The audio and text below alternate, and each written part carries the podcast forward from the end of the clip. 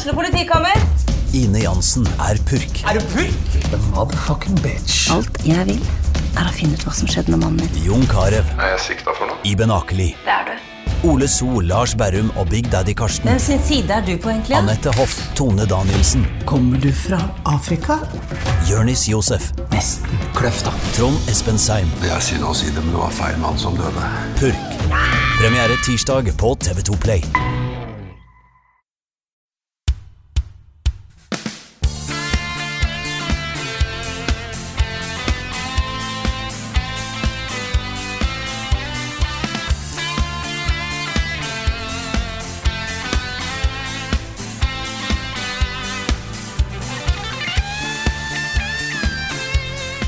Håper jeg du har lent deg godt tilbake igjen i gamingstolen din, for nå er vi klare her med en ny episode av podkasten Level Backup. Jeg er Frida Danmo, og med meg har jeg Karl Martin Hogsnes og Rune Fjell Olsen. Hva stoler sitter dere i i dag? Jeg får ikke lov av kona til å ha gamingstol hjemme, og det er en av mine store sorger i livet. Hun vil ikke ha en gamingstol i den stua her. Jeg får ikke lov. Men nå er det sånn, jeg sitter i en kontorstol, da, en sånn svart kontorstol som jeg ikke gjør så stort nummer ut av seg, egentlig. Men den har begynt å skale av, den plasten på armlenene. Det ser litt stygt ut, så jeg har liksom et lite håp, da. Om at jeg kan li lure inn en gamingstol. Kanskje en av de svarte som ikke har masse sånne grønne ting på seg og sånt. Etter hvert. Ja, ja, fordi jeg sitter i en gamingstol, men jeg er ikke så fornøyd med den. Fordi den, eh, den har liksom, jeg kjøpte den for jeg tror det er to, eller litt, litt over et år siden bare. Og den har liksom allerede begynt å revne litt. Så det Enten så har jeg en veldig skarp rumpe, eller så er det et eller annet annet eh, som er gærent. Altså. Så det, men jeg er litt, litt misfornøyd med min gamingstol. Men den er sånn Den kjøpte jeg jo fordi den var litt subtil. Den, er ikke, den ser ikke ut som et racerbilsete, liksom. Så, så, så akkurat det er jo positivt. Jeg tror at det er like bra med en god kontorstol som med en gamingstol. Jeg bare Ja, ja. kaster det ut her. Jeg kan forresten eh, si at jeg sitter på en eh, fin eh, grønn-blå møtestol. Ukens hotteste. Jeg må si du er blitt veldig flink til å spille trompet, Rune. Da visste jeg ikke at du, Mm. at du kunne. Ja, jeg har øvd masse. Jeg har øvd masse. Jeg er eh, spesielt flink da, til å laste ned trompetlyder fra internett. Ja. ja, det kan du gjøre med ganske mye musikk, eh, faktisk. Jeg har blitt veldig flink på alt. Ja. Nei, vi er jo klar for eh, ukens hotteste, og i dag er det et eh, spelselskap som er litt i vinden. Eh, som ikke helt eh, Ikke helt på den positive måten, for det er Kan- Blizzard som Ja, er ja, ute kan man si at vinden er litt sånn kald?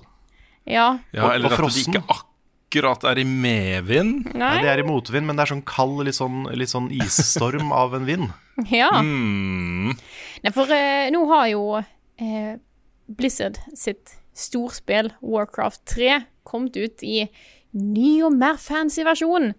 Warcraft 3 Reforged. Og det er jo ingen av oss tre som har et spesielt forhold til dette spillet. Nei? Nei. Ristes det på hodet? Mm. Men det det, er- høres ikke så godt ut på, på Nei, lydpodkast. det er ikke det. Derfor måtte jeg fortelle det. Så kan vi ha litt sånn radioteater her. Eh, Mm. Men det er jo mange på internett som har jo mye gode minner med Warcraft 3. Eh, og det har vært mye stor hype rundt dette spillet når det skal komme ut i ny versjon eh, til da, denne reforged versjonen. Og Blizzard har jo, jeg tror det var i 2018, så de fortalte om dette her. Eh, gikk ut og fortalte at de skulle ha eh, veldig mye oppskalert eh, Altså, alt skal være i HD. De skal spille inn var det fire timer med nye cutscenes. Skulle de fikse eller de skulle fikse det, eh, animere det på nytt. De viste litt klipp på hvordan de skulle gjøre det. Eh, masse nye stemmeskuespill skulle de ha, så de skulle på en måte oppgradere ganske mye. Så gikk det, et, eh, gikk det litt tid. Eh, jeg tror det var på BlizzCon 2019. Så viste de litt. Eh, men det har egentlig vært ganske stilt rundt eh, denne utgivelsen her før det kom ut nå. Det var jo en beta òg som gikk litt eh, stilt forbi for en del folk, tror jeg. Eh, og så viser det seg at de har ikke gjort helt det de opprinnelig sa at de skulle. Eh, Cutscenes er ikke på en så mye på nytt. De har på slengt på eh, Sånn som jeg har forstått Jeg har ikke, jeg har ikke gått veldig dypt ned i saken, men jeg har sett en del av det. Um, Istedenfor at de skulle på en måte filmatisere det mye og zoome inn på ansikt, sånne ting, så har du bare på en måte den samme oversiktsbildet. Så de har skippa mye sånn mer fancy animasjoner som de sa de skulle ha. Uh, og en del, en ting som folk er litt misfornøyd med, er jo rett og slett at uh, de har jo nå blanda, holdt jeg på å si, den reforged versjonen og den originale Warcraft 3 i samme launcheren. Uh, så de har på en måte sletta det originale Warcraft 3 og lagt det inn i den nye launcheren, som har skapt en del problem for kompetativmiljøet eh, i Warcraft 3, for det er jo ganske stort. Eh, og så tror jeg òg det er snakk om at Blizzard nå har sagt at hvis du lagrer mods i Warcraft 3, som har jo vært en veldig stor ting, eh, så er det de som eier det. Ja, de er redd for en ny Dota, vet du, som bare spinnes ut og blir en svær ting. Så folk er jo ikke helt happy akkurat Altså, det har nå. vært Jeg, jeg, syns det, det var litt rart å våkne opp til mottagelsen av eh, Reforged, syns jeg. Fordi dette er jo et spill folk har gått og gleda seg til. Også en gammel klassiker folk har et veldig varmt og nært forhold til. De gleda seg skikkelig til å sette tenna ned i eh, enten da for første gang på mange, mange år, eller å få en oppgradering til ting de spiller litt av og til. Eh, Eller da hvis de spiller kompetitivt, f.eks. For, for dette skulle jo være det samme spillet, men bedre, og det har blitt hypa opp på en sånn måte som er basert på liksom varme og kjærlighet og nostalgi. Og så våkner de opp til dette her, og jeg har sett en sånn eh, video hvor du tar det de viste fram i fjor, eh, fra en sånn cutscene, satt opp mot hvordan det faktisk er. Og i, i den som de viste i fjor, så er det jo som du nevnte, Frida. Også, det er redigert og klippa, det går litt inn på ansiktene og inn, ut og sånn. Det er samme scenen, samme dialog og sånne ting. Men det som det har endt opp med å bli, er jo dritkjedelig eh, satt opp mot det, da. Ja. Så jeg skjønner veldig godt at folk er skuffa. Og grunnen egentlig da, til at vi har det her helt først, er hva er det som skjer med Blizzard om dagen? Blizzard Altså, var jo det de, de var så store. Alle Ja. elsker jo måte, alt av Blizzard ga ut, ble jo til gull. Eh, I mange mange år så var det uansett hva de gjorde, så ble det bra. Sant? Folk var jo skeptiske til Å ja, skal de prøve seg på en Moba? Heroes of the Storm er egentlig et skikkelig skikkelig bra spill. Eh, det er faktisk ganske kult, syns jeg. Overwatch de skulle prøve seg på noe first person shooter-lignende greier. Da ble jo dritbra. Heartstone har jo, tok jo fullstendig av. Og så har det ikke akkurat vært eh, Altså, det er vanskelig å synes synd på Blizzard. Eh, For du kan ikke si at måtte, Du kan ikke synes synd på dem for at det er litt mye eh, sjø i det skipet de er oppi nå, når det er de som sjøl lager bølgene. Ja, for de har hatt et ganske dårlig år, eh, sånn eh, imagemessig. Også, eh, den, eh, det bildet folk har av Blizzard som selskap, føler jeg er i endring nå. Fordi, som du sa, Frida, hver gang Blizzard kom med noe nytt, så var det altså bunnsolid, gjennomarbeida, gjennomtesta, fikk helt ferdig, ikke noe bugs. Eh, storslagne cutscenes, uh, dritbra gameplay, serier og gameplay som folk elska. Altså, alt var bra, da. Det var kjent for å være bra. Blizzard var et sånn kvalitetsstempel på samme måte som uh, de inhouse Nintendo-tingene er det. De var et av de få selskapene som man alltid kunne stole på leverte 100 da. Det er sant. Det- Det er, det er rart å se hvor fort ting endrer seg. Fordi ikke, Du skal ikke mange år tilbake, kanskje bare to år tilbake, som veldig veldig mange ville sagt at de to beste spillstudioene, det er Blizzard og Bethesda. Og nå har begge liksom virkelig falt, da. Ja. Og sammen med liksom BioWare sliter. Eh, Konami har jo blitt eh, noe. Mm. Det er sånn Det, det er rart, altså. Men spørsmålet er Var det da det ble Activision Blizzard? Ja, fordi eh, det var Nå husker jeg ikke hvilket år det var de kjøpte det opp. Men den store tingen som folk uh, uh, stilte spørsmål ved, var jo akkurat det. Hva skjer nå med Blizzards vane for å låse seg inne på kontoret i fem-seks år? Bare finpusse, slenge liksom hundrevis av folk på et megaprosjekt som endte opp med å bli dritbra. Hva skjer nå? Her kommer Activision inn. De har uh, hva skal man si, strengere krav til kontinuerlig inntjening. Da. Det er en sånn businessmodell som ikke matcha så godt med Blizzard sin. For de satt inne og ruga. De, ruga. de kansellerte spill som var liksom 30 ferdig eh, flere ganger. De skrinla et helt svært nytt MMO-prosjekt. Altså, de har gjort masse sånne ting da, fordi de føler at dette er ikke Blizzard. Eh, Det her blir ikke bra nok. Vi kan ikke fortsette med dette spillet her. Starcraft Ghost, eh, for eksempel, som, som eh, eh, eh, ja, Starcraft Ghost. Det var vel et annet Ghost. Hvilket Ghost-spill var det? Metroid? Nei. Det var et Ghost-spill. det, det husker jeg ikke. Nei, det var et ja, i gamle dager. Um, Og det er ting som tyder på da, at de problemene som Blizzard har hatt det siste året, eh, kan være linka til en ny eh, businesskultur i selskapet. Hvor du ser at mange av de eh, gode, gamle Blizzard-kjempene har slutta. Eh, det er masse folk som har fått sparken, og de har uh, skifta fokus. Og de har liksom gjort en del grep da, internt som, som ikke matcher så godt med det Blizzard var. Og den saken med, med Kina Hongkong-tingene fra i fjor er på en måte et eksempel på det også. Hvor de på en måte ikke har, de har ikke touch da, med uh, hva folk ønsker av dem. Altså de går feil, rett og slett. De tar feil valg. Uh, som ender opp med å skade omdømmet deres. Don't you have phones? Don't, ikke sant? Det er et annet eksempel. ja. Det, kanskje det var den som starta det? Den der litt rocky året for, for Blizzard? Diablo Immortal mm, er jo ikke et spill som er lagd for Altså, det er jo et spill som er lagd for det altså for asiatiske markedet. Det er jo ikke et Ja, altså, jeg syns godt Blizzard kan få lov til å lage det spillet, men det at de hauser det opp som ja. en ting som de tror alle som er på BlizzCon, bare blir helt ekstatiske av å se. Ja, og så blir de overraska over at de ikke gjør det. ja. for det er en beslutning som er tatt av en out of touch CEO-person. Altså.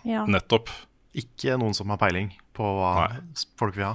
Jeg tror, mm. jeg tror at det gikk litt ned Altså, det siste som jeg jeg eh, syns var kult, var altså um, DLC-en til Diablo 3, Reaper of Souls. Da var en sånn Da gjorde de mye kult. Etter da så er jeg litt usikker på hva Det var liksom var litt nedover. Altså, De har jo gjort bra ting. Altså Starcraft, ja, ja. Uh, um, uh, alle de Hearthstone, alle de nevnte. Mm, mm, mm. og folk, folk, elsker jo fortsatt uh, WoW Classic, så vidt jeg har hørt. Ja. Og Overwatch. er, hvis ikke de har fucka opp nå. Det var ja, ja. jo en, eh, det var en rocky launch, er jo eneste, men ellers, ja. Mm. Så, så de, de, gjør jo fortsatt de tingene som de er kjent for å gjøre, uh, var poenget mitt. Og de kommer sikkert til å fortsatt gjøre det. Uh, jeg har ingen tvil om at, uh, at Overwatch 2 blir bra. Uh, Diablo 4, jeg tror også det blir bra. Jeg tror de lærte masse med Diablo 3 og de endringene som de gjorde etter hvert med det. da mm, absolutt, absolutt. Og de, de, har jo også gått ut nå og sagt at vet du hva, vi hører hva dere sier om uh, Reforged, vi skal fikse dette her. Så de har allerede begynt å fikle med menyene, da som var en av de tingene. Så, og så ja, Overlane og Hudden. Ja, for UN skulle de jo fikse, men det gjorde de jo ikke. Jeg har hørt annet at hvis du skal rebinde keys, så må du inn i et TXT-fil i mm. liksom, systemet for å kunne rebinde keys. Mm. Som er jo helt grise i 2020. ja, ja. Ja, det er altså, jeg, jeg, tror liksom ikke alt håp er ute for Blizzard, det er ikke det jeg sier. Men, men det er ting på gang der som jeg syns er litt sånn derre uh, sketchy, da. Det er, det er litt, jeg syns det er litt rart å se Blizzard trå feil, rett og slett. Og det er uh, jeg, vet ikke, altså. Jeg ville kanskje skrudd ned litt forventningene til egentlig både Overwatch og andre ting de skal gjøre uh, i tiden framover nå. Fordi det, er liksom ting som tyder på at uh, ting ikke er helt som det skal være der. Mm. jeg tror det har mye med nøkkelpersonell som er borte, og omstrukturering av selskap og sånne ting som resulterer i en del sånne rare ting. da. Ja, kanskje. Men du, det skal jo også sies da at det, det er mange eksempler på studioer som har vært sånn, og kommet seg igjen. Ja, sånn som altså Ubisoft går jo opp og ned hele tida. ja, det er helt sant. det er sånn, de har en nedeperiode og oppeperiode flere ganger i året. Jeg tror nå Ubisoft er glad nå fordi at Betesta og Blizzard tar all støyten, så de kan få lov til å ha det litt uh, rolig. Ja, de, de, får liksom ofte mye pepper. Um, Eh, også av oss, jeg skal ikke si at det, Ja, nei, det, det ja. Men, men, men, men for eksempel Capcom, da. Jo, de var jo skikkelig på kjøret lenge. Men nå har jo de mm. virkelig gjort comeback. Mm. Ja. Så det kan jo skje. Det kan Både Bethesda og eh, Blizzard kan jo få en ny gullalder hvis de, hvis de prøver. Ja, jeg tror ikke noen av disse her Altså, så lenge de faktisk tar tak i de problemene som, som er her De mm. hører litt på en måte på hva folk faktisk vil ha, eh, og skjønner hvor de sjøl har gjort feil. Mm. Eh, ja, men det, er et godt poeng, altså. Er, når du nevner Ubisoft også, Carl. Uh, det at de ganske nylig nå gikk ut og sa at vi, vi, har et problem i selskapet vårt. Og Det var liksom basert da en del på feedback, men også en sånn intern granskning. Mm. Uh, og en erkjennelse av hva de har gjort. Og det de sa, da var at hovedproblemet deres akkurat nå Altså I fjor så var det jo at de rusha ut ting litt for fort. Så erkjente de det, og så okay, begynte de å jobbe med det. Nå da er det en annen issue som jeg er så enig i, og det er at de innser at veldig mange av de spillene de lager innenfor de seriene de har, er litt samey. De er Ja, for, de er for like, ja. Det er helt Ja. sant. Ja. Og det er en god analyse. Altså en, det viser liksom selv, eh, selvinnsikt og refleksjon og vilje til å endre seg. Som Ja. eh, Det hadde vært digg å se det fra Blizzard nå, altså. Men de, de gikk jo også ut i Ubisoft, dette er litt eh, digresjon, men, men de sa jo at de, ehm, det fins jo et sånt board i Ubisoft som sitter og tar alle beslutningene om hva seriene skal være. De sitter liksom sammen og bestemmer over ulike teams og hva de skal gjøre. Og det Wow. det, det boardet sier, det er det som gjelder, liksom. Ja. Så det er litt, litt interessant at det, har, at det er en sånn der, nesten sånn der, eh, liten Ubisoft Illuminati som sitter og, sitter og bestemmer. Eh, Det er jo faktisk design by committee. Ja. Ja, ja, på en måte. Så de har jo liksom De har passa på at det skal være kontinuitet og likheter mellom de forskjellige seriene. Da. Men, Men hvis de, eh, altså, jeg kan, jeg kan gi Ubisoft tips, jeg. Det er bare til å høre. Hør nå, Ubisoft. Hvis dere syns at serien deres er for samey, så foreslår jeg at dere tar, tar tilbake en, en, en, viktig sjanger. eh, eh, og kanskje hente fram en, en spillkarakter, da, som folk ikke har sett på en stund, for å prøve å få liksom gjort sånn. Altså Enten så kan du lage et nytt spill, men jeg tror å da ta en etablert karakter eh, og en etablert spillserie, så kan det kanskje hjelpe dere litt på rett vei, da. Ja, det er Raving Rabbits du snakker om nå, selvfølgelig, Frida. Definitivt Han- kun Rabbits. ja, Eller han Glowbox. Han kan få Ja. sitt eget spill. Ja. Ja. Ja. Nei, men øhm, jeg, jeg, jeg øh, gleder meg til å følge med. Altså gleder meg, jeg, Jeg, jeg sitter på ingen måte og godter meg over dette her, fordi jeg syns det er litt trist. da Jeg husker, altså Blizzard-spillene har jo aldri vært min jeg har ikke vært fordyp, fordypa meg i noen av de seriene deres, egentlig. Spilt en del av dem, men ikke liksom mye. Um, men jeg har jo hatt folk da i VG-tida før, eh, Level Up og sånne ting. Uh, Erling Ellingsen, for eksempel, som jobber i Funcom nå, han var jo bare Blizzard. Han var jo forguda av Blizzard. Alt de rørte, var, ble til gull, ikke sant? Ja, ja. Bjørn og Svendsen har i hvert fall vært erkefans. Nick òg er jo stor fan. Ja, ja. Nei, så jeg, det gjør meg litt trist, da. På alle Blizzard-fansens eh, vegne. At, eh, at det har gått, eh, gått litt gærent. Så um, jeg er litt spent på å høre hva de gjør nå, fordi det føles ut som de, de må gjøre et eller annet. De må snu den der omdømmetrenden som går ganske bratt nedover nå. De må gi folk tro på selskapet igjen, på en måte. Um, og det gjøres jo da via beslutninger, og via ledelse og via struktur og eh, firmafilosofi og alle de tingene der, ikke sant. Så um, eh, jeg tror nok de kan klare å snu det, men det er- har jeg, jeg har lyst til å se liksom hvordan. Jeg har lyst til å høre noen signaler om hvordan de har tenkt å gjøre det. Jeg må også bare gi en liten eh, shout-out til Noclip sin dokumentar om, uh, om hva som skjedde. The, the, the Rise and Fall, eller The Fall and Rise blir det, Uh, av Final Fantasy 14. Ja. Det er tidenes comeback-historie uh, når det kommer til spill og spillselskaper. Det er òg en Så- eh, fin Jeg, jeg, jeg havna litt i Nordklipp-hull en dag. Eh, og da, de har òg en episode om eh, Fallout 76, Ja, som kom før Fallout 76 kom ut. Oi, Ja. oi, oi. Den er interessant å se. Ja, det vil jeg ja det, det kan Ja. jeg tenke meg, for den, eh, den hyper sikkert opp spillet en del. Ja, da ja. Mm. Og så vil jeg Yes. avslutte med bare sånn at ikke folk tenker at vi bare sitter og bæsjer på Blizzard. Eh, jeg tror de kommer til å klare å snu Reforged, Warcraft 3 Reforged. Jeg tror de kommer til å klare å fikse det, sånn at det blir det spillet folk har lyst på. Um, det er mer den lanseringen som, uh, som jeg syns det er verdt å diskutere litt, da.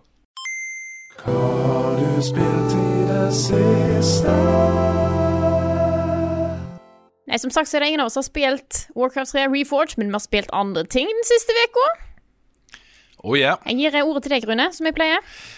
Du, eh, det har kommet et spill den siste uka som starta eh, i januar 2013. 2013 kom første episode av Kentucky Route Zero. Og siden den gangen da, så har nye episoder, nye akter i det spillet, vunnet Game of the Year-kåringer og sånne ting. Det spillet har vunnet Game of the Year hos flere da, eh, i mange år. Det har kommet fire episoder. Siste episoden, Act 4, kom da i juli 2016. Og det er jo da tre og et halvt år seinere så avsluttes det som mange mener er uh, noe av det beste som spillmediet har uh, kommet med. Uh, nå har jo alle disse forskjellige spillmennene kåra tiårets viktigste spill og sånne ting på slutten av tiåret. Uh, Kentucky Route Zero nevnes mange ganger da, av folk mm. som et av de viktigste spillene fra det tiåret som har gått. Og det er så utrolig deilig og rart å sette seg ned, fordi jeg spilte første episoden, første akten, for mange år siden, og tenkte at vet du hva? Um, jeg venter. Akkurat det samme som med Life is Strange. Jeg venter til, jeg, til det er ferdig. Jeg har lyst til å ha dette som en sammenhengende opplevelse. Så nå har jo da hele spillet blitt samla i det som kalles TV Edition, Kentucky Route Zero TV Edition, eller PC Edition med da det siste kapittelet også, uh, for konsoll. Det er ute på PlayStation 4 og Xbox One og Switch, og nå da PC også, med siste kapittel. Spillet er ferdig. Uh, det inkluderer både de uh, fem kapitlene, eller aktene, men også en del De har litt sånne herlige små interludes. Sånne små interaktive opplevelser som på en måte er sånn bindeledd da, fra akt til akt hvor, eh, som det er sluppet, da, for at ventetiden skal bli litt kortere og sånne ting.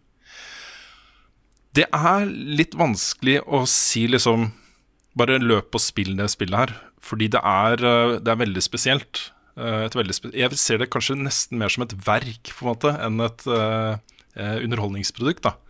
Um, men jeg kan jo si litt om hva det fremstår som, og det er jo et pek og klikk-eventyrspill. men det er som det er en episode, også episoder i siste, nyeste sesongen av Twin Peaks. Hvor mm. uh, de kaller det da um, uh, Magical Realistic Adventure Game. Altså det er mye, mye rart og overnaturlig, og ting skiller mellom hva som er ekte og ikke ekte, og hva som skjer og ikke skjer, og uh, mye sånn surrealistisk som skjer i spillet. Mm. Så man blir liksom bare sugd inn i et univers som hele tiden introduserer nye elementer, og du har litt sånn text adventure-feel noen ganger, og så har du litt sånn derre uh, grass uh, Hva heter det sånn uh, sørstatsmusikk som kommer og preger hele opplevelsen og sånne ting. Um, Bluegrass. Bluegrass, bluegrass heter det, selvfølgelig.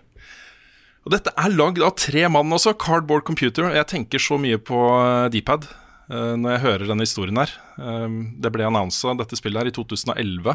Eh, de har holdt på da i ni år med dette spillet. Det er livsverket deres. Um, og det er også så hypnotiserende. Også blir, jeg blir så fengsla av det jeg opplever.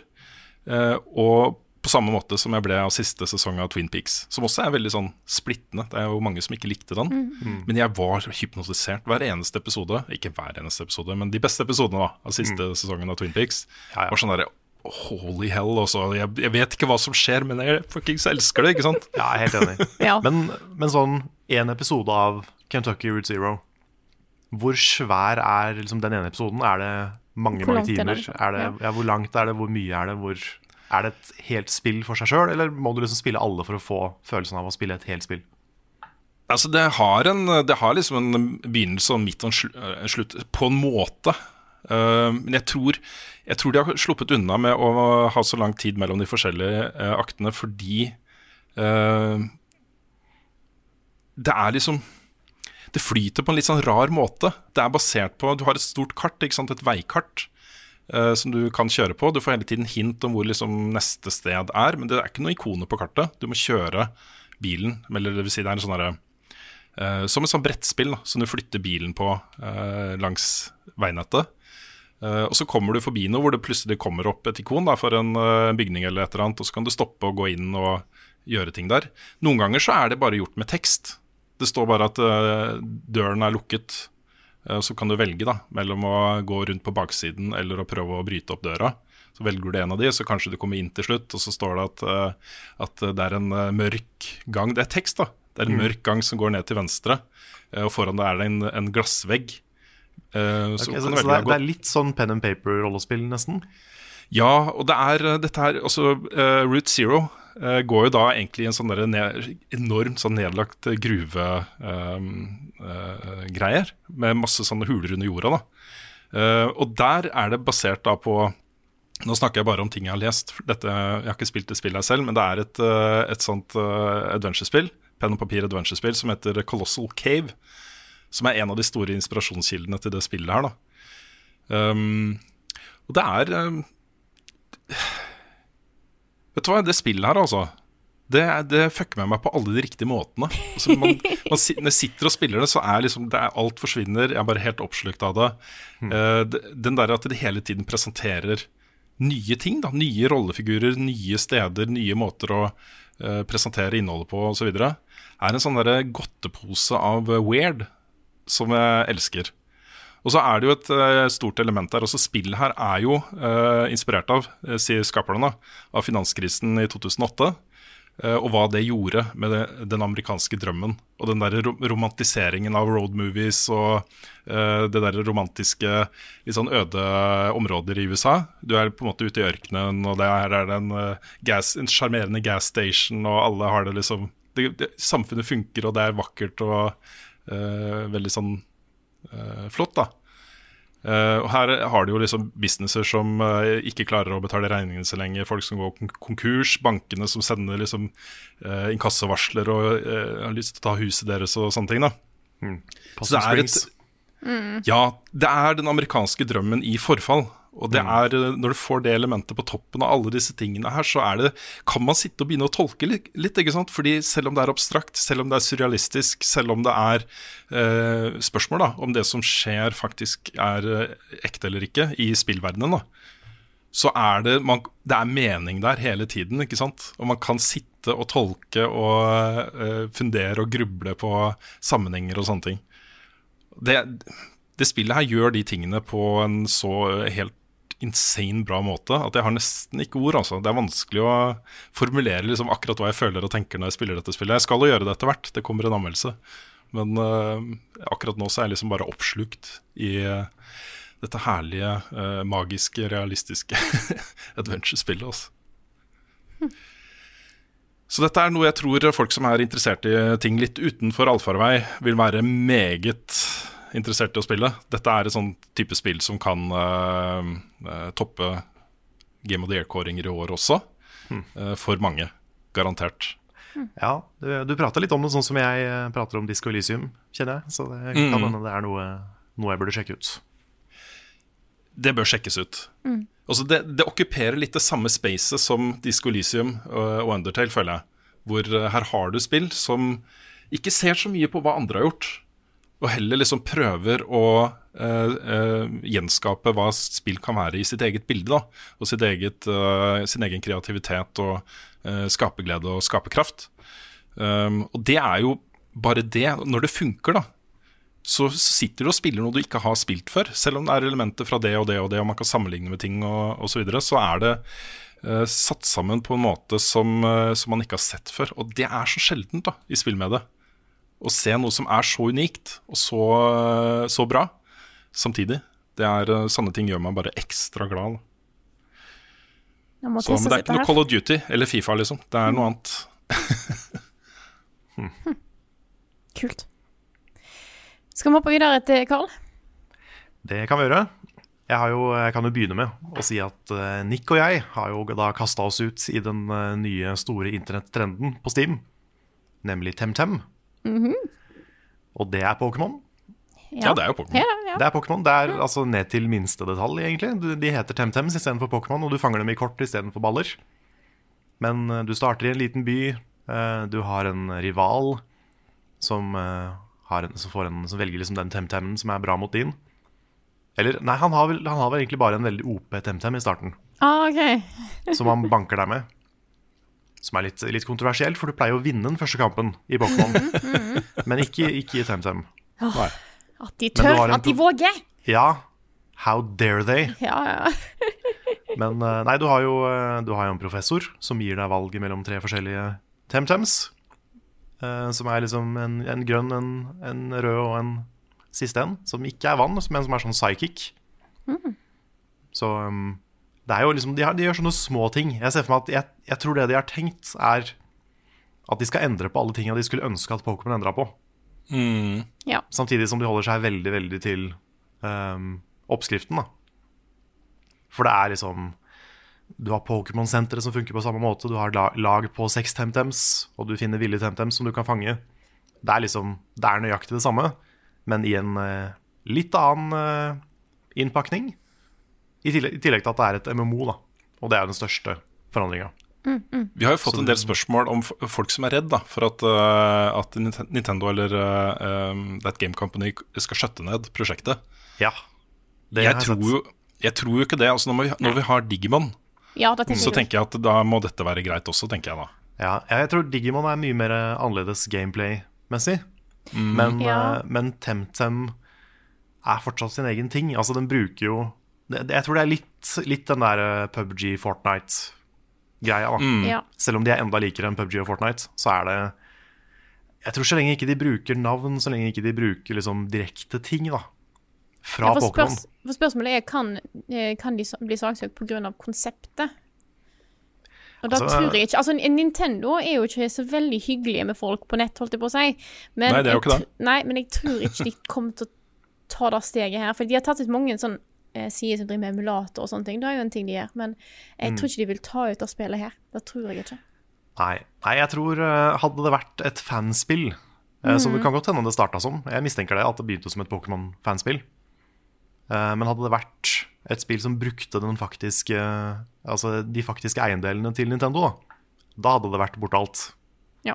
Sånn som mm. det var en Metroid eh, 2 fan-remake som ble skjøtta ned på dagen, tror jeg. Mm. Ja. Så det, sånne ting kan jo skje. Men, um, men jeg tror siden dette her er sin egen serie, så tror jeg det er safe. Jeg er ikke noe, noe legal expert på noen som helst måte, men jeg, jeg tror ikke de kommer til å gå etter de. Nei. Så har de jo sånne ting som Stardew Valley også, og Wargroove, som jo er uh, basert yes. på ting. Helt åpenbart basert på ting. Ja, du, har, eh, du har Dauntless, som er en eh, åpenbar kopi av Monster Hunter. Mm. Det er eh, Jeg vet ikke om det også setter en slags presedens, da, hvis vi skal begynne å snakke om eh, legal action og sånne ting. Mm. At det faktisk finnes ting som eh, eksisterer som sine egne ting, selv om de er basert på andre ting. Ja. Ja, sant. Nei, jeg, jeg tror ikke folk trenger å ligge våken og være redd for at Temtem skal forsvinne. Da tror jeg Det- Nintendo hadde tatt, tak i det allerede. Ja, jeg også tror det. Mm. Det er jo fortsatt early access, men jeg, jeg tror det. Men hva om, da? Fordi du, du så jo eh, du, du så jo uh, PubG saksøkte vel Epic Games, gjorde du ikke det? Jo. For Jo. Fortnite. Mm. Uh, det tror jeg sannsynligvis ble jeg, jeg har ikke fulgt med på den saken, men jeg lurer på om det ble uh, settled utenfor eh, ja. Ja, jeg tror i hvert fall ikke de vant. Nei, det de gjorde de i hvert fall ikke. ikke. For det, Men, det var liksom eh, ikke nok, da. Eh, PubG nei. hadde ikke nok eh, særpreg til å vinne en sånn rettssak. Mm. Men det kan jo hende da vi kan havne i en situasjon hvor TemTem, eh, når det er ferdig med Early Access um, og har eh, 40 millioner spillere, 50 millioner spillere, 60, ikke sant At uh, noen advokater hos Nintendo begynner å bli, Ja. litt sånn blodtørstige. det kan jo skje. Ja, det kan skje. Men om de vinner, er jo spørsmålet, da. Ja. Og så ser du jo samtidig også at, uh, at Sword and Shield, Pokémon Sword and Shield er jo det mest solgte Pokémon-spillet på 20 år. Så de, de gjør det jo fortsatt bra med Pokémon, og så lenge de gjør det, da, så tenker jeg at uh, sånne prosjekter som Temtem kanskje er mer safe. Hvis det er sånn at det er det dårligst, dårligst solgte Pokémon-spillet på 20 år, så hadde det selvfølgelig vært pga. Inde, indeksen, eh, Pokédexen. Ja, Manglende, selvfølgelig, eh, selvfølgelig. Men uh, man kunne jo da tatt det for å være at det her kommer det inn en konkurrent som kopierer oss og tar kundene våre. Nei, men jeg, jeg tror Temtem er egentlig først og fremst litt sunn konkurranse for Pokémon. Fordi de har hatt eh, Akkurat den oppskriften har de hatt i fred i alle år. Og brukt den i eh, over 20 år nå, vel. Ja. Så, så det er jo kanskje på tide at det kommer noen og utfordrer de litt. Og så er det jo kult at det er et MMO, for det har jo ikke Pokémon turt å gjøre. I tillegg så eh, kan du spille sånn som Nick og jeg gjorde. da Vi spilte jo to uh, two players samtidig. Og det var kult. Det funka. Vi liksom var på lag mot andre trenere, og vi kunne, kunne catche hver vår temtem når vi møtte de. Og det, var liksom, det var et system som funka. Det var jo litt bugga med at det så ut som Nick bare løp rabiat rundt på skjermen av og til. og sånn Men utenom det så var det liksom Det var ganske smooth, da. Mm. Og det var eh, kort ventetid. Det var eh, ikke så mye tekniske problemer. Det eneste var, var at det var mye nedetid på serveren, og sånn, men det er jo fordi det er helt nytt. Ja. Så um, Nei, jeg synes det var jeg, jeg var positiv. Men jeg merker samtidig at jeg setter jo veldig pris på designet på Pokémonene. Det er, det, er veldig mange, det er veldig mange søte Temtems. Men de har ikke den samme liksom, De er ikke like levende, syns jeg, som det Pokémon er. Og det, er det, ja. Mm, Ja. Det kan jo ha å gjøre med at det er et mindre team, eh, og at de som designer karakterene i Pokémon, er kanskje ekstrem-pros, liksom. for, for, For Ja, Ja, de har har nok, har nok designa noen characters før. Men du har liksom ikke den derre umiddelbart elskbare Pokémon, eller Temtemmen, da, i dette her. Du har mange fine, men, men du har liksom ikke Det er ikke noe Pikachu, det er ikke noe Bulbasaur. Det er ikke noe sånn Det er ikke sånne du umiddelbart blir kjempeglad i. I hvert fall for meg, da. Så, så der har de litt igjen å gå, kanskje. Fordi eh, det er litt viktig med Pokémon. At du blir jo, Det er derfor mange elsker Pokémon, fordi de blir så glad i de, de dyra. Ikke sant? Så, um, så ja. Design, designet på monsteret kunne kanskje vært eh, hakket sterkere, syns jeg. Selv om de, de er søte, men de er ja. Men jeg har tenkt å spille mer. For får se om kanskje, kanskje Nick og jeg får spille litt mer. Det hadde vært kult, det. Jeg har lyst til å Det teste var det sjøl. kom- Jeg har lyst til å teste det sjøl, sa jeg, og så kan Rune fortsette. Jo, nei, for jeg så jo på, på den videoen dere har lagt ut på YouTube-kanalen, det er jo det folk spør om. Kan dere ikke spille dette mer? Altså, det her Ja, blir en ny sånn som, uh, Mer. Minecraft, please. Ja, litt, litt sånn mer Temtem Please. Ja. Så vi kan, vi kan jo sikkert det. Det, Mm. det var jo da de to første timene som er komprimert ned til en halvtimes video. Mm. Så eh, den kan man jo se hvis man vil. Da får man et inntrykk av hva, hva det er for noe. Mm. Men i tillegg da, så har jeg gått tilbake til et spill som jeg anmeldte i fjor. Nemlig Ring Fit Adventure. Oi, oi, oi. Ringfit? Ring Fit. Ja da, jeg har spilt litt i, Jeg har ikke vært så flink i romjula, men jeg spilte litt før jul, og litt nå i januar. Og jeg har nå som mål å, komme meg i litt bedre form. Og jeg merker jo at jeg blir støl, og jeg blir jo sliten og svett av å spille det. Men det er jo sånn det skal være. Ja. Så, um, så jeg tror jo sånn sett at jeg gjør det riktig. Jeg må bare Det liksom, det jeg må være flink til, er å følge det opp. Fordi det er jo veldig fristende å ikke spille Ring Fit Adventure. men, um, men jeg gjorde det i går, før jeg la meg. Og liksom jeg, kjenner, jeg kjenner at liksom Jeg får litt god samvittighet når jeg gjør det. Og i tillegg så er det ganske gøy. Fordi etter hvert, da, når du kommer litt ut i storyen Jeg tror jeg er på verden nummer seks eller noe sånt nå. Og jeg har hørt at det er eh, Det er over 100 levels. Jeg vet ikke hvilken level jeg er på nå. Men jeg tipper kanskje jeg er sånn rundt halvveis i historien. Og um, det er tøft, men det blir også litt mer variert etter hvert. da. Du får litt mer minigames, du får litt mer bosser som ikke er han bodybuilder dragon-fyren, for han er liksom sluttbossen i hver eneste verden. Og eh, så kommer den der, eh, mer og mer av den dype historien mellom han der ringen og han dragen. Og fortiden deres. Det er veldig spennende. ja, ja, kjempespennende.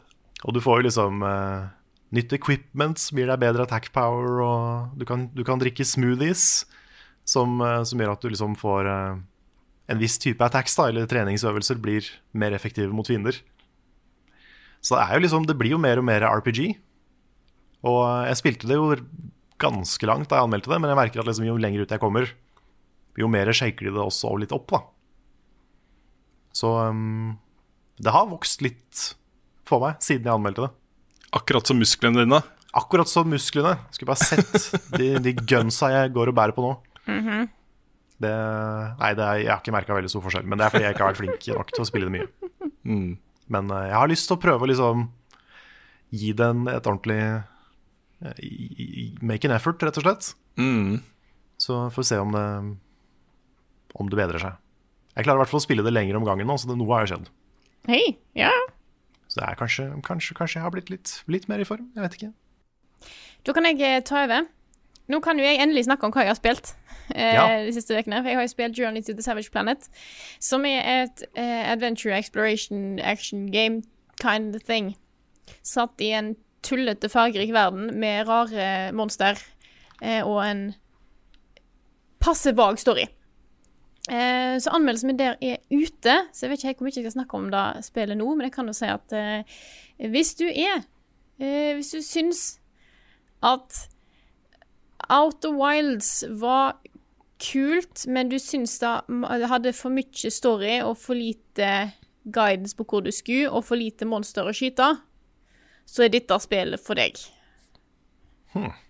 Kanskje.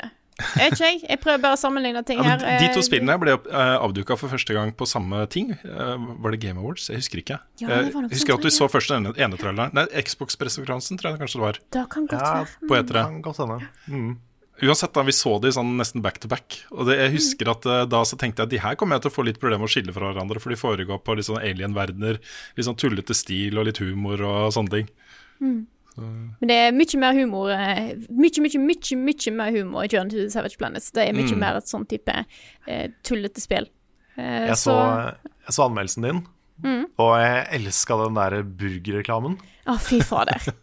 Den er helt nydelig. Jeg har kutta den litt ned òg, faktisk, for han er enda leng- Han er kjempelang. Uh, er, jeg tror jeg har kutta den til ca. halvparten. Den er helt nydelig. Wedgie burger. Wedgie burger, ja. Ja. Ja, De klarte nesten å få meg av hamburgere. Ja, det var det er noe av det ekleste jeg har sett, men det var veldig funny. ja. Det er òg en fin eh, om, eh, om et uh, mobilspill Nei, et, et spill med mikrotransaksjoner som heter eh, Moba Moba Moba Mobile, tror jeg den heter. Eh, som er ku- Den har, Hva var det? Det var, det var nest, Jeg tror hele spillet er bygd opp av mikrotransaksjoner for midlertidige cosmetics. Ja, Som er et sånt herlig stikk til hele spillverden. Eh, men det jeg har lyst til å si, er at jeg har lyst til å kjapt si at jeg har spilt et spill som Rune snakka om forrige uke, og da er A Short Hike. Oh yeah. Da satte jeg meg ned med, jeg fikk innsett at, dette her må jeg spille. Jeg satt liksom Jeg hadde egentlig satt grenser for hvor mange spill jeg skulle spille fra 2019 før jeg lagde topp 10. Jeg tenkte nei, jeg tar den her òg. Og da er jo et spill som er så meg eh, at eh, det er jo helt tullete. For at jeg, eh, det er jo et spill der du Du vet hva som er sluttmålet, men du kan sjøl velge når du har lyst til å gjøre det, og du vil jo egentlig ikke gjøre det før du har gjort alt det andre. Eh, og jeg nevnte det i chatten hos oss, at det, jeg finner flere og flere og flere ting her som er rett og slett direkte referanser til Animal Crossing. Eh, for dette er et spill, eh, A Short Hike, er et spill jeg liker litt på samme grunnlag som jeg liker Animal Crossing.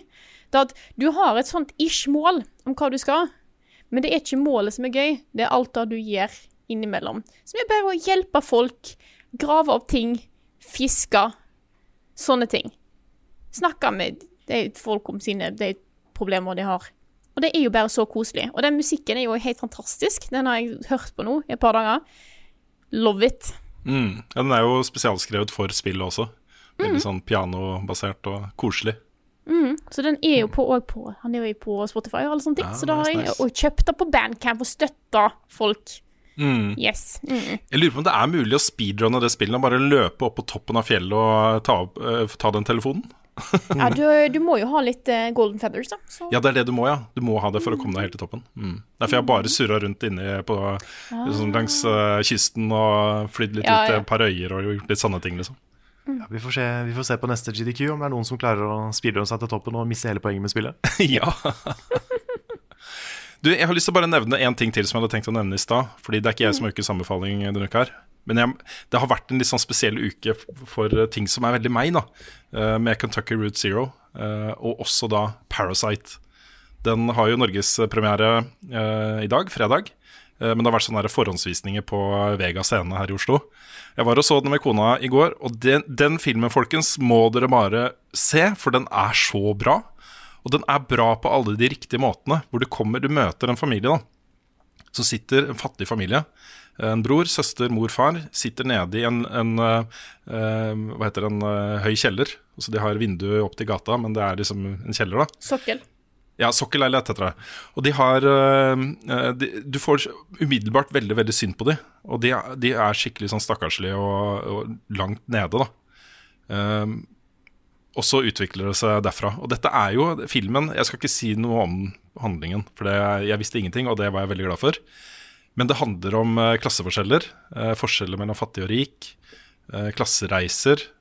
eh, den type ting. Og den er den er altså så presis og så godt levert, og de skuespillerne og rollefigurene og dialogen og alt dette her Holy shit, det er nydelig, altså. Den er, det er noe av det beste jeg har sett. Så den er st- Utrolig stor anbefaling fra meg, eh, før den egentlige anbefalingen kommer.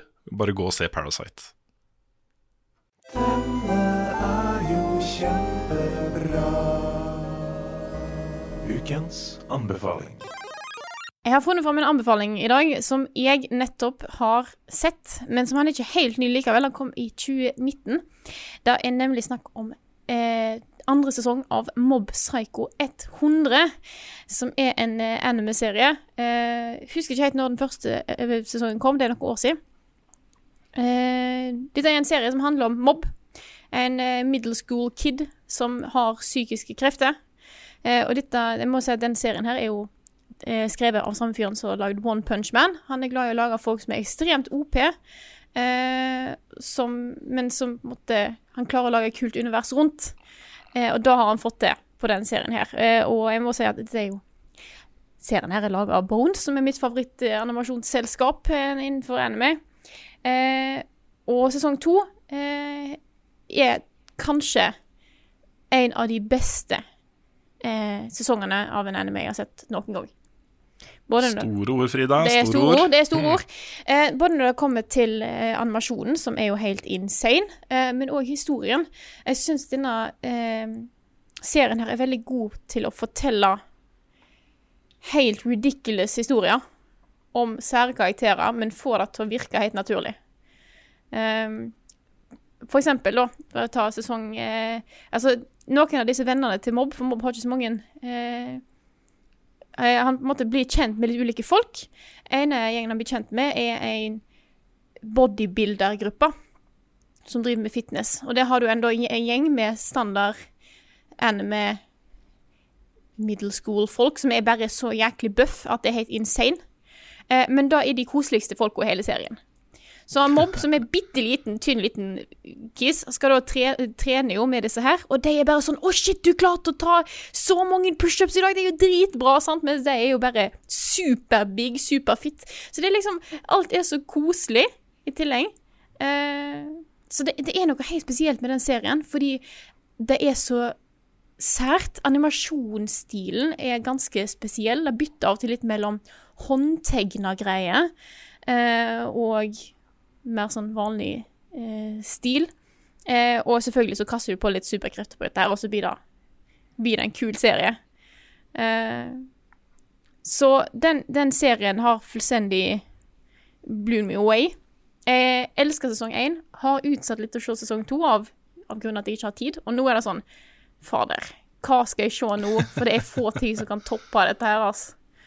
Eh, sesong to er 13 episoder, tror jeg. Så det er ikke så langt. Eh, 20 minutter per. Men fy fader. Hver eneste episode er fullpakka med så mye ting som skjer.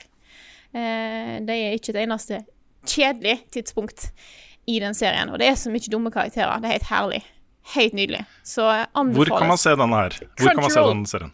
Crunchyroll, ja. Crunchyroll, lett tilgjengelig. Eh, så ta og sjekk det. I hvert fall sesong to. Jeg regner med at sesong Jo, jeg tror sesong én òg er det. Men sjekk det ut. Crunchyroll. at jeg innser at jeg har misforstått tittelen. For jeg trodde det var en mobb av 100 psychics. Ja. At det var liksom, det er 100 som har psykiske krefter, da. Men det, er er Mm. bare en som heter mobb. Det er han Mobb som har uh, psykiske krefter, uh, og han har et sånn derre Ofte så teller det opp. Han har et sånn derre mm, prosentgreie. Når den prosenten når 100, så går han full hem. Eh, så det er mer en sånn indikasjon, sånn at plutselig en- det skjer et eller annet som gjør at Mobb blir litt satt ut, og så plutselig bare sånn Så ser du at prosenten øker til 27, og du er bare sånn Å, nå skjer det snart! Nå kommer det til å gå galt! Og så bare sitter du og så venter du på det, da. Så det er en veldig kul måte å bygge opp en, en fyr som er jævlig sterk, og så sitter du bare på en måte Da sakte, men sikkert teller opp, da, til han når den 100. Og det kan skje over, det kan skje over flere episoder, så du vet ikke helt når det skjer. Men plutselig så er han, eh, så er han ready, ready to go.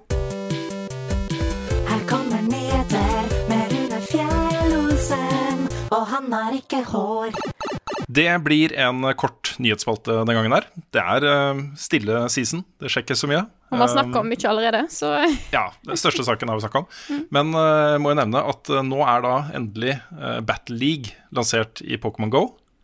Det er en global eh, liga hvor du da kjemper mot andre som er på ditt level. Um, de, de kjører det de kaller preseason nå, da, i select territories. Jeg er ikke helt sikker på om Norge er en av de, men eh, de, de softlauncher uh, ligasystemet. Jeg vet ikke om dere har satt dere noe særlig inn i eh, hva det går ut på ellers? Nei, ikke egentlig. Det er lenge siden jeg har eh, vært aktiv i Pokémon Go. Det har Mm. ikke vært sånn at jeg har plukka det opp i en uke her og der. Men, eh, men fordi det har vært mulig å slåss mot andre spillere eh, fysisk. Altså ikke, ikke slåss. Fysisk. fysisk, men, eh, men å møtes fysisk og ha en Pokémon-fight i, i Pokémon Go. ja. Um, men det har kanskje ikke vært mulig over nett. Så det er kanskje den største Så vidt jeg har skjønt, jeg vet ikke om det stemmer. Nei, jeg jeg synes det er litt interessant da, det- da Pokémon Go kom og ble en massiv suksess, så begynte vi allerede å spekulere i om det kommer en Pokémon Go 2, eller hvordan de tar liksom, den suksessen her videre. Mm. Nå har de jo vist da at eh, det kommer ikke noe Pokémon Go 2, de bare tar det konseptet og så bare legger de på uh, features Ja. eh, jevnlig. Uh, det virker som ut fra måten de presenterer Go Battle League på, da, at dette her, her, planen her er å gjøre dette til en svær ting som skal leve over lang tid. Uh, og Da syns jeg det blir hakket mer interessant. Altså. Hvis det bare hadde vært en sånn liten ting som er borte om et halvt år, så hadde det vært noe annet. Ja, De har jo introdusert flere og flere Pokémon også. De er vel i gang med generasjon fem nå. Så de, de kommer jo sakte, men sikkert til å catche opp med hovedserien. Men jeg, jeg skulle ønske uh, Det er liksom hovedtingen jeg savner nå. Det er det at kampsystemet var bedre. Fordi du har den derre tappinga og dodginga og noe sånn spesialmoves du kan bruke, men det er jo liksom Det er så enkelt og overfladisk satt opp mot vanlige Pokémon-spill, da. Så jeg skulle, jeg skulle veldig ønske at de bare hadde importert det vanlige kampsystemet inn i Pokémon Go. For det, det hadde ikke vært umulig, tror jeg. Det hadde Nei. kanskje krevd en god del mer animasjon og sånn, så jeg ser jo den. Men, eh, men det er jo liksom Jeg tenker at det kanskje hadde kledd Pokémon Go bedre med et turbasert kampsystem som ikke bare handler om å tappe fort på telefonen din. Ja, for dette er jo stein, saks, papir, begge deler. Altså Både det litt mer avanserte vanlige Pokémon-systemet og Pokémon Go-systemet er jo sånn du velger også trekk ut fra hva motstanderen velger og sånne ting. Litt sånn stein, saks, papir, litt tilfeldig noen ganger, da kanskje. Ja, du har fortsatt uh, type advantages og sånn. Ja, selvfølgelig. Uh, men det hadde jo vært interessant å sette et litt mer avansert uh, fighting-system. I hvert fall hvis det skal være en svær liga hvor man kan få Ja. pros og sånne ting. Jeg, synes jeg, klarer ikke å se på Pokémon Go som en e-sport. Nei. Det, altså, selvfølgelig kan hende jeg tar feil, men, men med det der laggy kampsystemet der, så ser jeg liksom ikke helt hvordan det funker. Kanskje en crossover med MMA, da, vet du, Carl, så får du det som du vil. Kanskje kan du slåss fysisk. Det kan jeg, kan jeg. Det er også blitt kjent at eh, Valve er utsolgt for eh, sitt nye VR-headset, Index. Det er eh, utsolgt over hele verden. Da selvfølgelig i forkant av lanseringen av eh, Half-Life Alyx, som kommer gratis med Index. Index er jo heller ikke lansert ennå. Det er forhåndskjøpene det er snakk om her. Um, det har kommet noen tall også som viser litt hvor stort det er. Når du sier utsolgt over hele verden, så tenker man oi, hvor mange millioner er det? Det er snakk om noen hundre tusen, da. Ja. Uh, ja, par hundre tusen til sammen, kanskje. Eh, det ble solgt liksom 160 000 mellom sånn og sånn i fjor høst. Mm. og nå er det da ikke mulig å kjøpe. Det er eh, mulig jeg spør om noe vi ikke vet nå, men, mm. men hva er grunnen til at Valve Index er bedre enn andre headsets? Det er, jeg har ikke satt meg så nøye inn i det, men de som har testa det, sier at det er bedre. Og da tror jeg det går på sånne ting som framerate og oppløsning og øh, komfort.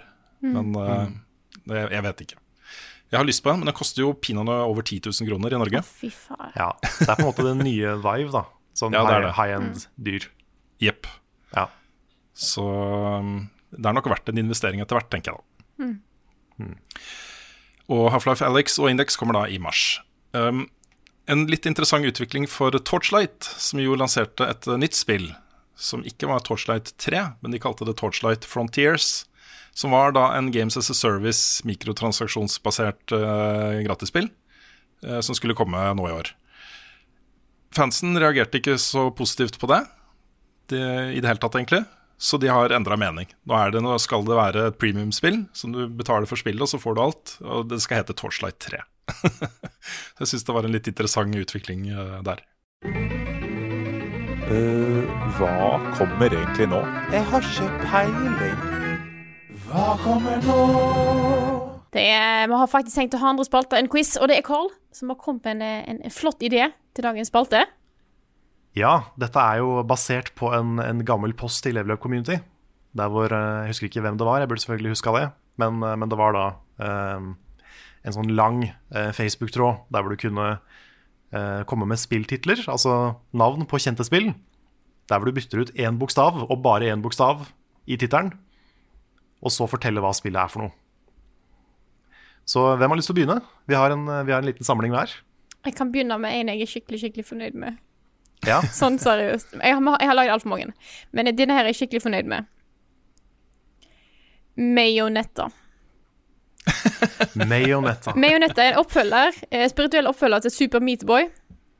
Det er en mm. Mm. plattformer der du spiller som en, en klump med majones. Eh, og når du hopper rundt, eh, så på en måte Det er bedre jo færre hopp du tar. Fordi at når du hopper og treffer vegger og tak, så ligger litt av majoneskroppen din igjen.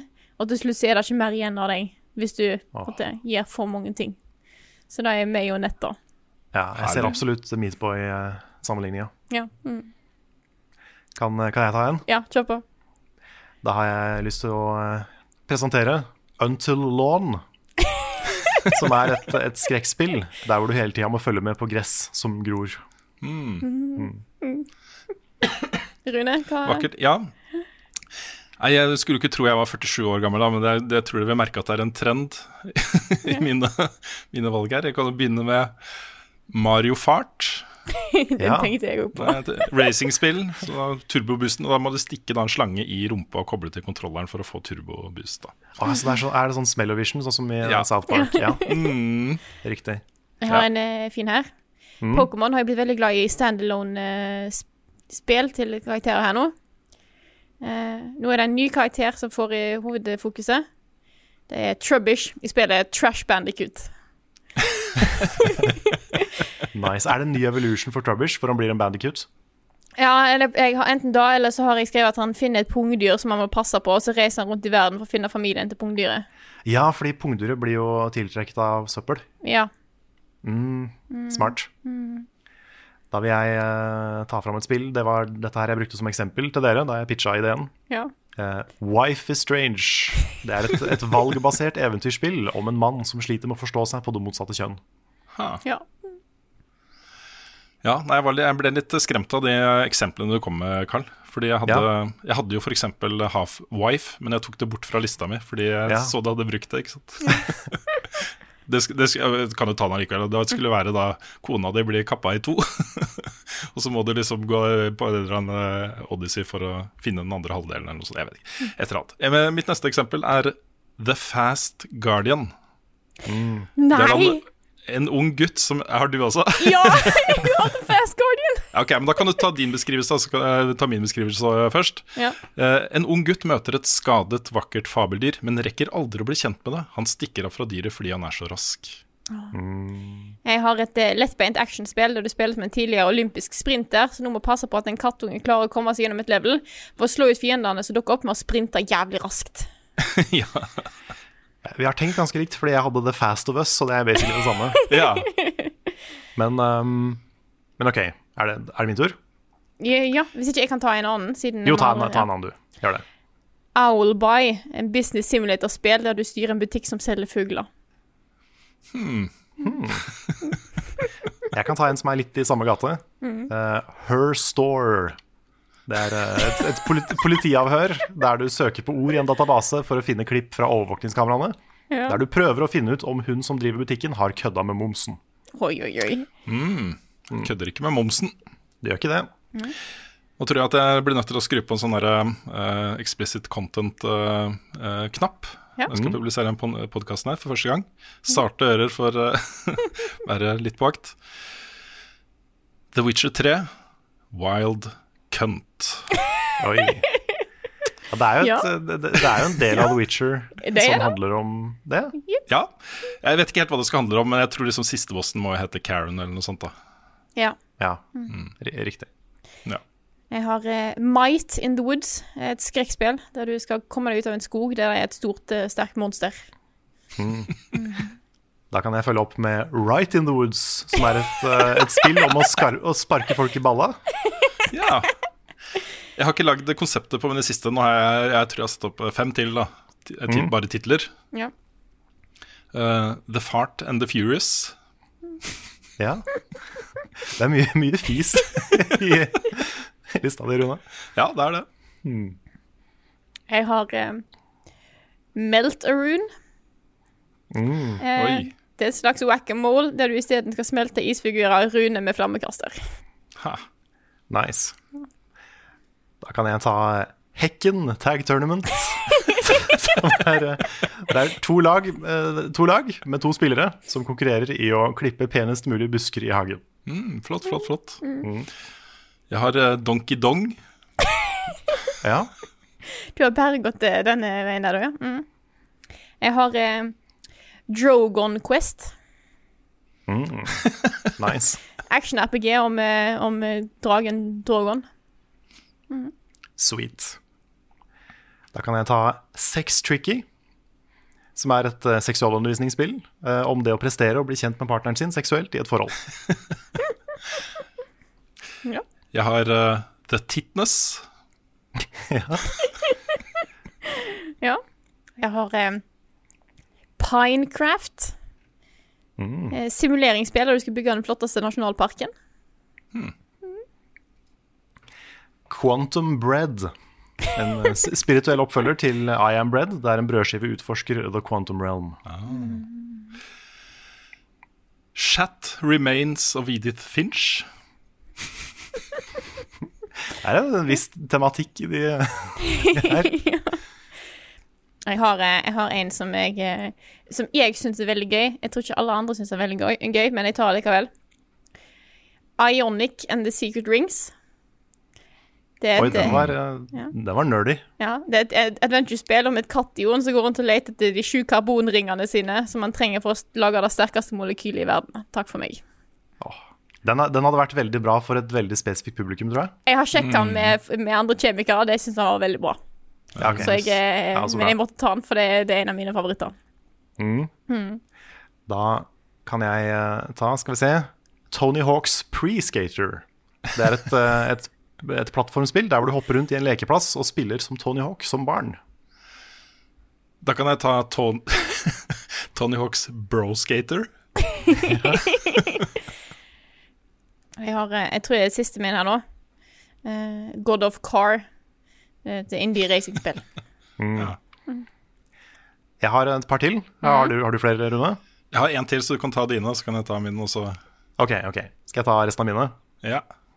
Da kan jeg bare ta de litt sånn kjapt. Assassin's Creek. Eh, historiedrevet dramaspill om en gjeng unge assassins. Mhm. Earthround. Et eh, pedagogisk spill om jordkloden som brukes i undervisning og gis ut gratis til alle Flat Earth-samfunn. Mhm. Vi har, skal vi se eh, Sam and Max Hit the Load. Som er Sam Max som finner en koffert med penger og må flykte over landegrenser for ikke å bli tracka av mafiaen. Mhm. Call if Juarez. Du spiller som en detektiv som studerer en folkemengde, og så fort du ser Juarez, så må du ringe politiet. Og så min siste, Red Head Redemption. Oi, oi, oi. Et actionspill eh, om folk som med rødt hår som er lei av å bli mobba. Jeg har en, jeg bare tar en siste, og så skal du dra dine, Rune. Uh, a Short mm. Bike. Jeg vet ikke hva det handler om, men uh, ja. Ja, det en kort sykkel i hvert fall. Mm, ja. Super Fuckies Tale. Hva er best, hvordan fredag sist har Carl egentlig sopp? Ukens spørsmål. Vi tar første spørsmål her, som kommer fra Jørgen Høttmaker. Jeg, har, jeg vet ikke helt hvordan jeg skal uttale dette her. men- Jørgen Hattemaker, men skrevet på tysk. Jørgen Hattemaker. Hei! Ja. Vet at dere har vurdert fram og tilbake angående poeng på anmeldelsene deres. Før var det terningkast seks, og nå til ti. Spørsmålet mitt er, har dere vurdert å ikke ha poengsum på anmeldelser? Måten dere formidler anmeldelsene på, gir i hvert fall meg et godt inntrykk av spillet i seg sjøl. Takk, smilefjes, smilefjes. Og dette er en ting vi tar opp litt sånn eh, innimellom. Mm. Av den grunn at det er noe dritt med den der scoren, altså. Og det er veldig, et veldig relevant spørsmål akkurat nå, fordi vi har Ja. jo prata mer seriøst om å kanskje droppe scores eh, i Mm. 2020. Å ja, dette har ikke jeg fått med meg. Kult. Nei, vi, vi eh, Karle, vi hadde en eh, egg og bacon-session på Larsen. Så her om dette her. Ja. Mhm. Eh, det bildet var forresten tatt uh, i en annen sammenheng. Jeg hadde vært på hos tannlegen med dattera mi. Så Oh. eh, Det er på Majorstuen, så da gikk jeg forbi, og det var dagtid, og det var liksom litt sol og sånt, så jeg må liksom forevige favorittrestauranten vår. Det tror jeg er det, det bildet som har blitt posta, uh, som ikke er sponsa, som ser mest sponsa ut. Ja, ikke sant? I know, I know. Let us know, yes. Um, men da, det vi snakka om da, var jo um, litt sånn løst om grep vi har lyst til å vurdere i 2020. Um, jeg tror vi endte opp litt med at ok, på et eller annet tidspunkt nå ganske snart, Så setter vi oss ned, og så, altså med deg, Frida, og med Nick og andre fra Level Up som har lyst til å være med, Mm. og uh, dekonstruerer litt hva vi holder på med, og bygger oss opp litt på nytt. Mm. Og så uh, finner ut mer, og er det endringer vi kan gjøre som er fornuftige. Og en av de tingene som vi er Det har vært sånn stadig tilbakevendende issue, også mens vi hadde terningkast, og også da vi starta selskapet vårt. Trenger vi egentlig den der dumme scoren? Jeg tror liksom grunnen til at vi beholder den, er at vi har en følelse av at folk flest forventer å se den. Ja, at folk vil ha den. At liksom folk vil ha den der merkelappen på et spill Mm. om hvor bra det er. Ja. Men vi, vi har jo en del Altså vi møter jo på en del problemer, fordi vi anmelder jo eh, nesten bare spill som vi tror er bra. Mm. Så blir jo mye høye scores. Mange av de mange like scores. Mye sjuere og åttere. Ja, jeg så gjennom det jeg har gjort i fjor. Det var mye 28. Mm. Og, og så er det noe med at det er veldig vanskelig å sette en score ofte. Hvis et spill har noe veldig veldig bra, andre ting som ikke er så bra. At kanskje liksom Kanskje anmeldelser hadde vært mer spennende hvis de ikke hadde score. Hvis det bare, hvis det bare var en tekst. 'Dette her er det jeg mener om spillet'. uh, og så er det det. For jeg Og kanskje, jo kanskje også litt mer sånn temavideoer. Mm. At vi, vi kan gå inn på spesifikke ting med et spill, der hvor den tingen er veldig spennende. Så vi prater om den tingen. At det er Mm. litt mer sånn video-essay-format. For jeg merker for min del da, at de eh, stemmene jeg liker når det kommer til spill og filmer, de gjør det. De, de anmelder ikke med en score. De lager en video om hvorfor noe betyr noe Mm. der og da. Ja, mange av de beste tekstene jeg har lest om spill, har jo vært liksom side opp side sidene. Vi snakker tusenvis av ord som ikke nevner det faktiske gameplay i det hele tatt. Som ikke snakker noe om det. da Det tar bare for seg andre ting. Eh, og med en gang det er en score der, og det er liksom en anmeldelse kolon, så forventer folk å høre litt om gameplay. Høre litt, altså, de vil gjerne ha den informasjonen. Man kommer i en modus hvor det er mer uh, påkrevd. da Um, og jeg tror da at Hvis vi ikke hadde hatt score, så hadde det frigjort oss til å lage litt mer uh, spennende synsing om spillene vi spiller. For jeg merker altså jeg, Når jeg skal sette meg ned og skrive en anmeldelse, så vet jeg alltid hva jeg syns. Jeg vet hva jeg på en måte Jeg har bestemt meg på hva jeg syns er viktig her, hva jeg trekker fram, og så sitter jeg bare sånn Hva skal jeg gi da? Score, da? Så det liksom, det føles så påtvunget at jeg er nødt til å putte den på på slutt. Mm. Bare Mm. sånn for å ha den der.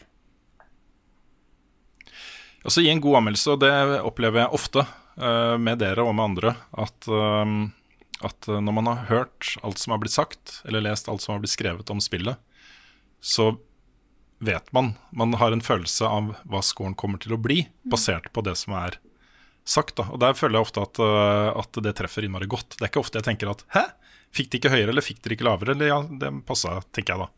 Og det, det handler jo om, uh, mye om måten man bygger opp anmeldelsene på. Det blir sånn forutsigbart. Uh, man får den informasjonen man forventer å få, da. Inkludert da at det ender opp i en score ikke sant, uh, til slutt. Det, hadde vært gøy å bare kunne eksperimentert litt med formidlingen der, rett og slett. Og så merker jeg jo, uh, dette er ikke en, ikke en diss mot de som kommenterer på videoene våre, men jeg merker jo at veldig mange av kommentarene handler om scoren. Mm. Og det handler om hvorfor Altså, det var ikke nok negative ting til å rettferdiggjøre det. Det var ikke nok positive ting til å rettferdiggjøre Altså, jeg tror med den scoren, da, så følger det for noen med en sånn liste over fordeler og ulemper med et spill, og så skal det plusses sammen, og så blir det en score. Mm. Og det er jo egentlig ikke sånn vi tenker i det hele tatt. Nei. Så, så det, er, det, det er litt sånn Jeg vet ikke. Den scoren har en del sånn bagasje med seg som, Mm. som, som ofte liksom ikke er poenget med videoen engang. Nei.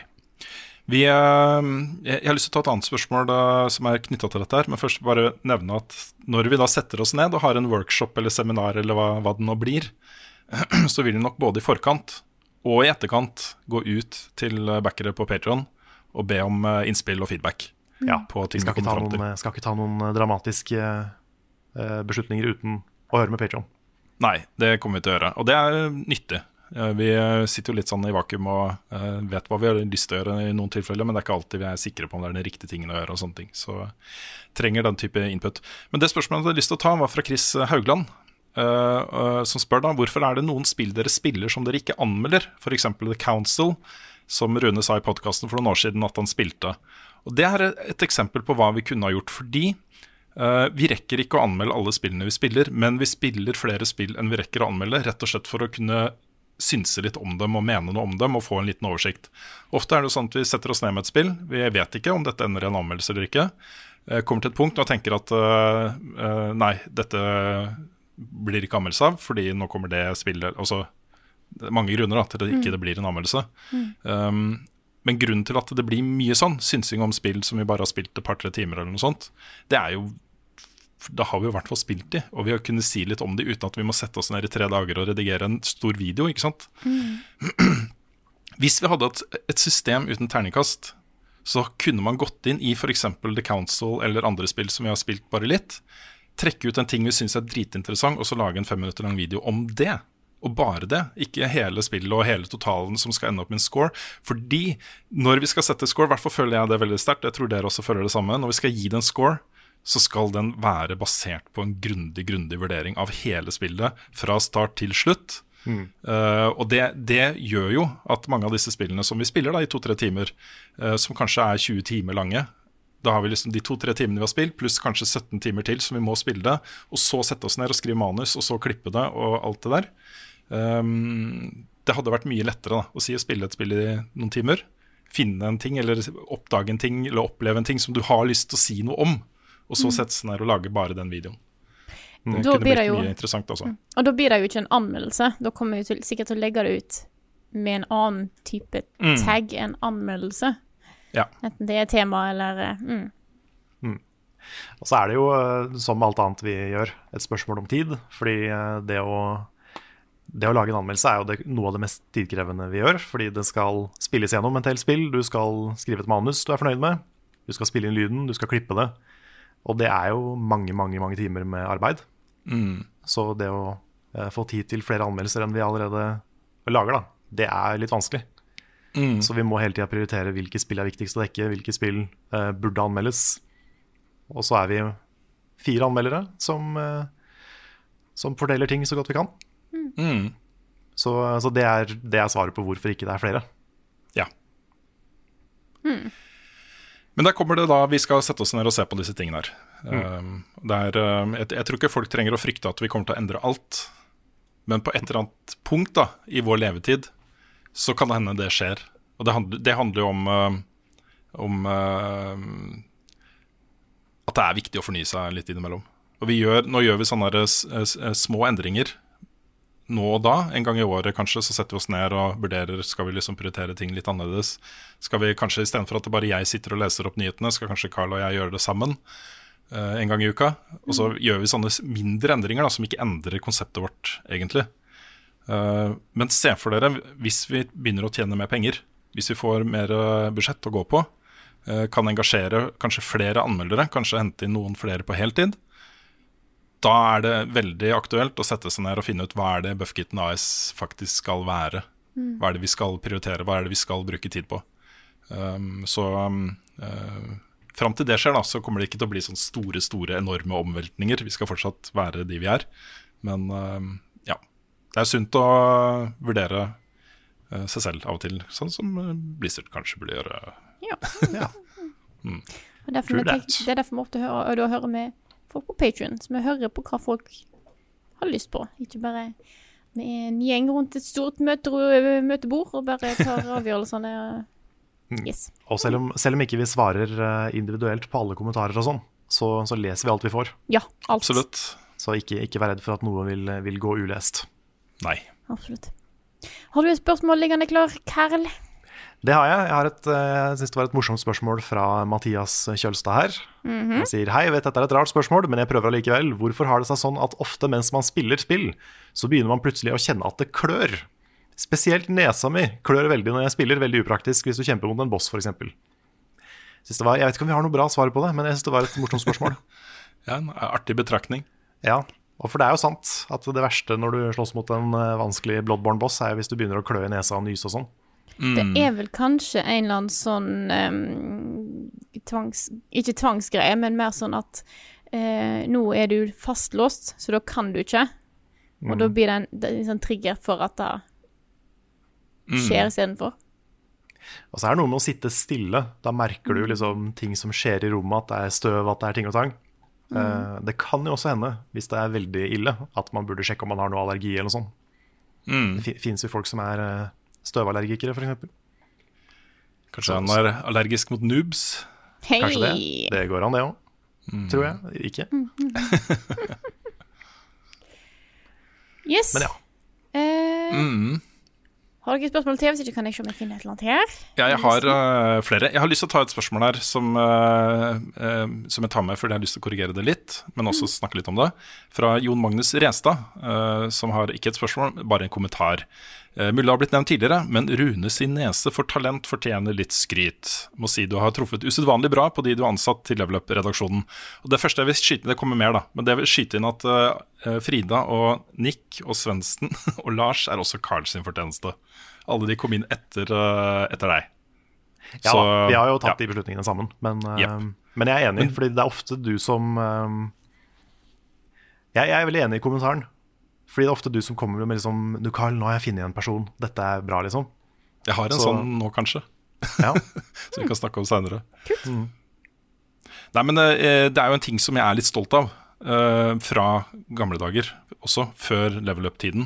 Også de um, de frilanserne som kom inn da, og hjalp til med å lage anmeldelser i VG, var alltid hadde noe som, uh, som kanskje ikke var klart fra starten av, men som utvikla seg over tid. da. Eh, og når jeg ser på liksom, utviklingen til deg, Frida, og til Nick eh, over de siste årene, det er jo bare my hat off, Også. Det er kjempebra. Det er jo deres fortjeneste.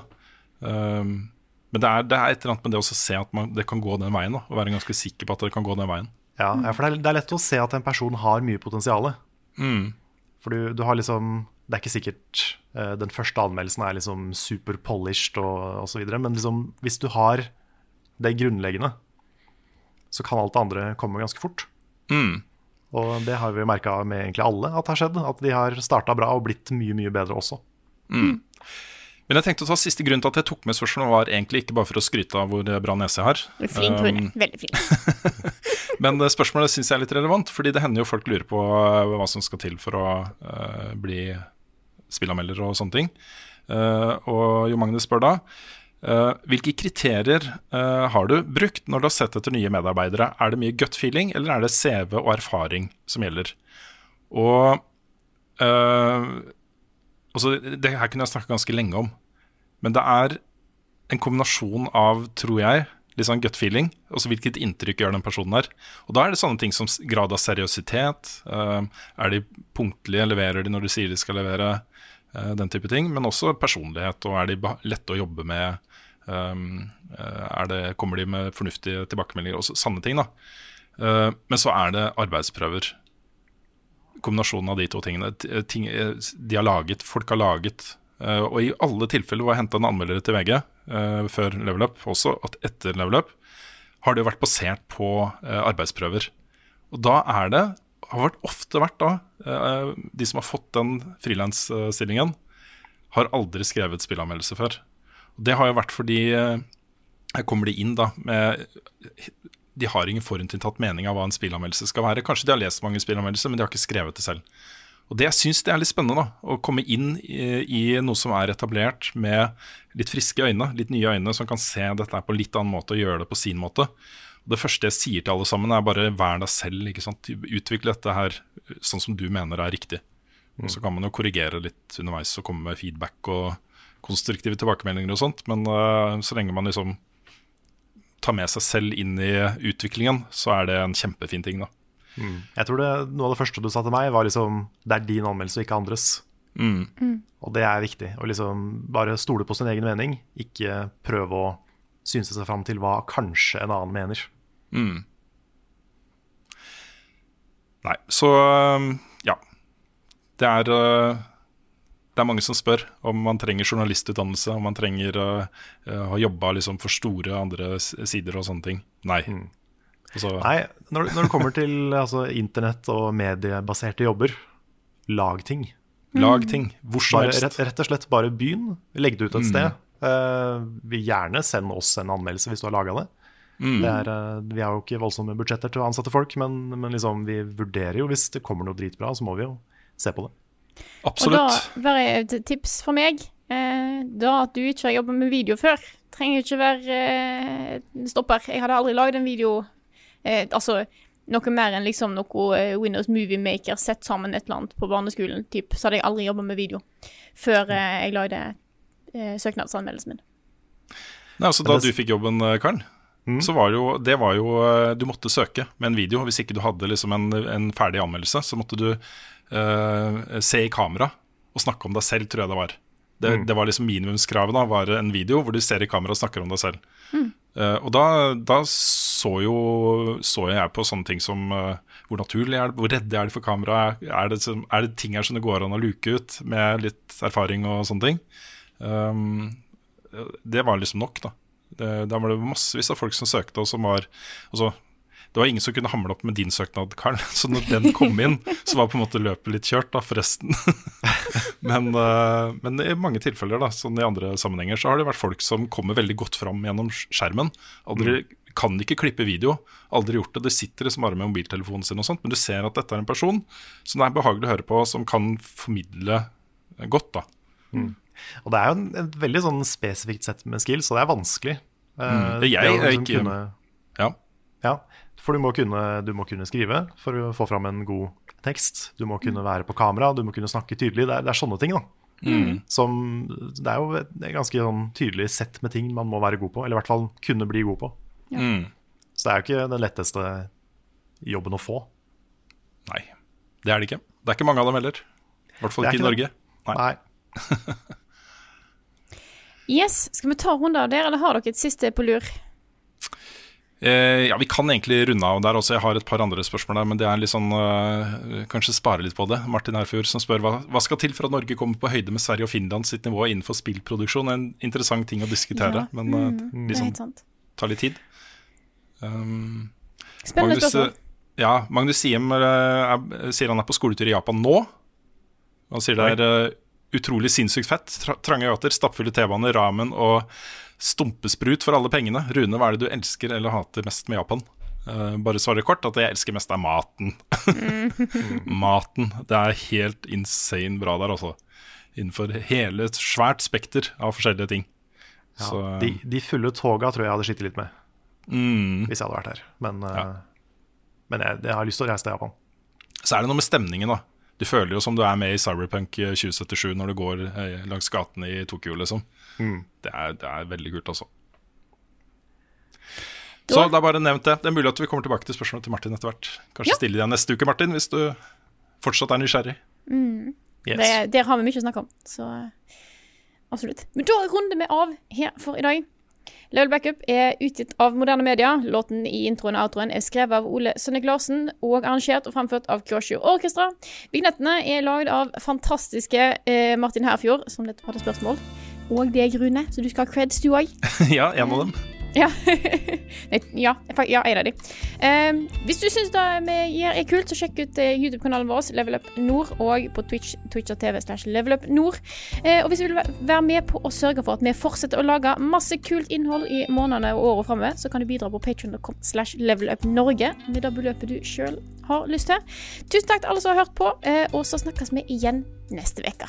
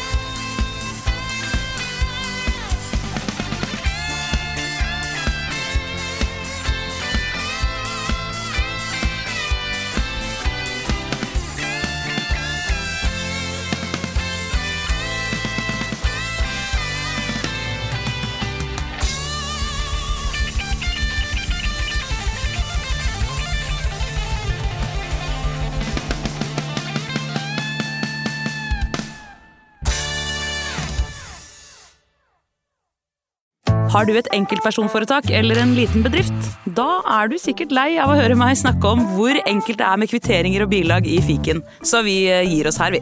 Fordi vi liker enkelt. Fiken superenkelt regnskap.